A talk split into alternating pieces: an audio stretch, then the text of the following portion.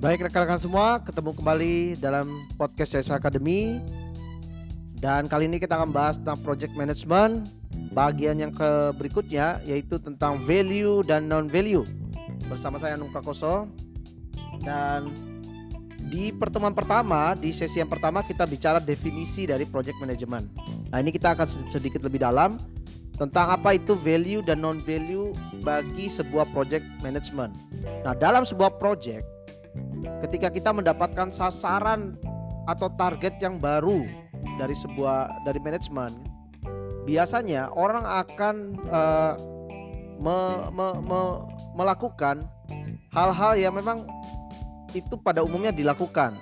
Contoh misalkan, ketika kita mempunyai target satu tahun satu miliar, Bagaimana cara menaikkan menjadi 2 miliar?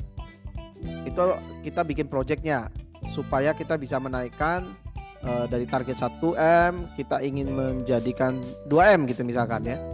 Nah, bagaimana caranya? Biasanya pada umumnya orang bilang akan ya udah lipat gandakan resource-nya. Kita akan lipat gandakan tenaga penjualnya, kita lipat gandakan barangnya, kita lipat gandakan uh, iklannya dan seterusnya.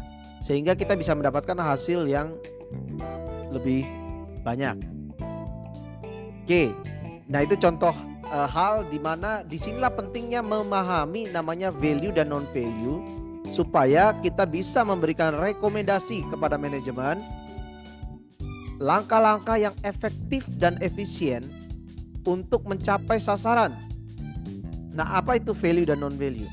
Nah, value adalah suatu kondisi atau segala hal yang memberikan manfaat kepada customer dan untuk itu customer layak untuk membayarnya. Yaitu value ya, kondisi atau segala hal yang memberikan manfaat kepada customer dan itu layak untuk dibayar customer. Nah, itu adalah value. Sedangkan non value adalah segala aktivitas yang tidak berkontribusi terhadap pencapaian sasaran atau segala aktivitas yang tidak berkontribusi sehingga tidak layak untuk dibayar oleh customer. Nah, dari cerita yang tadi untuk menaikkan target kita dari yang sebelumnya, kita cenderung melipat gandakan resource. Padahal sebenarnya dalam teori dari cost principle ada dua hal yang harus kita pelajari yaitu cost plus principle dan cost reduction principle. Di mana yang pertama ini bicara tentang bagaimana menaikkan sebuah target dengan menggunakan cost plus principle untuk mencapai profit yang lebih daripada sebelumnya, maka kita cara mudahnya dari cost plus principle adalah kita naikkan harga jual barangnya. Jadi kalau tadinya kita beli e, menjual barang harga satu juta, kita bisa untung sekitar 500 eh, ribu dengan harga modal 500 ribu Nah bagaimana caranya supaya kita mendapatkan keuntungan satu juta?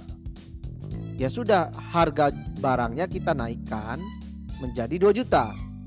Nah sederhananya cost plus principle itu seperti itu. Berikutnya adalah cost reduction principle Jadi cost reduction principle ini adalah bagaimana cara mencapai target yang lebih dari sebelumnya tetapi dengan menurunkan biaya operasionalnya atau operation cost. Sehingga kita bisa mendapatkan sasaran target misalkan tadi 2 miliar ya. Bagaimana caranya supaya dapat 2 miliar? Kita nggak perlu menaikkan harga jual dari barang tersebut. Nah yang perlu kita lakukan adalah coba kita lihat adakah proses-proses di dalam internal kita, bisnis kita yang perlu diefektifkan, perlu efisiensi. Sehingga dari tindakan-tindakan yang kita lakukan untuk efektif dan efisien, kita mampu menurunkan namanya biaya operasional. Sehingga dengan menurunnya biaya operasional, otomatis kita sebenarnya akan mendapatkan profit yang lebih dengan melakukan cara yang sama kalau yang pertama cost plus principle tadi uh, dia tidak merubah operasional yang ada dia hanya menambah resource yang ada, menambah tenaga kerja, menambah uh, biaya promosi, juga dan menambah harga sehingga menaikkan harga barang gitu. Nah, cara yang kedua cost reduction, kita tidak menaikkan harga tetapi kita mendapatkan profit yang lebih didapatkan dari pengurangan biaya operasional. Nah, inilah cost reduction principle. Jadi, mana yang lebih diuntungkan? Kalau cost plus principle dan juga cost reduction principle kita coba didasarkan dari kebutuhan dari customer. Mana yang lebih diuntungkan? Kalau cost plus harga akan naik. Customer pasti dirugikan. Ketika cost reduction harga tidak naik, customer tidak dirugikan, tetapi bagi produsen atau orang yang menyediakan barang dan jasanya akan mendapatkan benefit yang lebih, mendapat keuntungan yang lebih.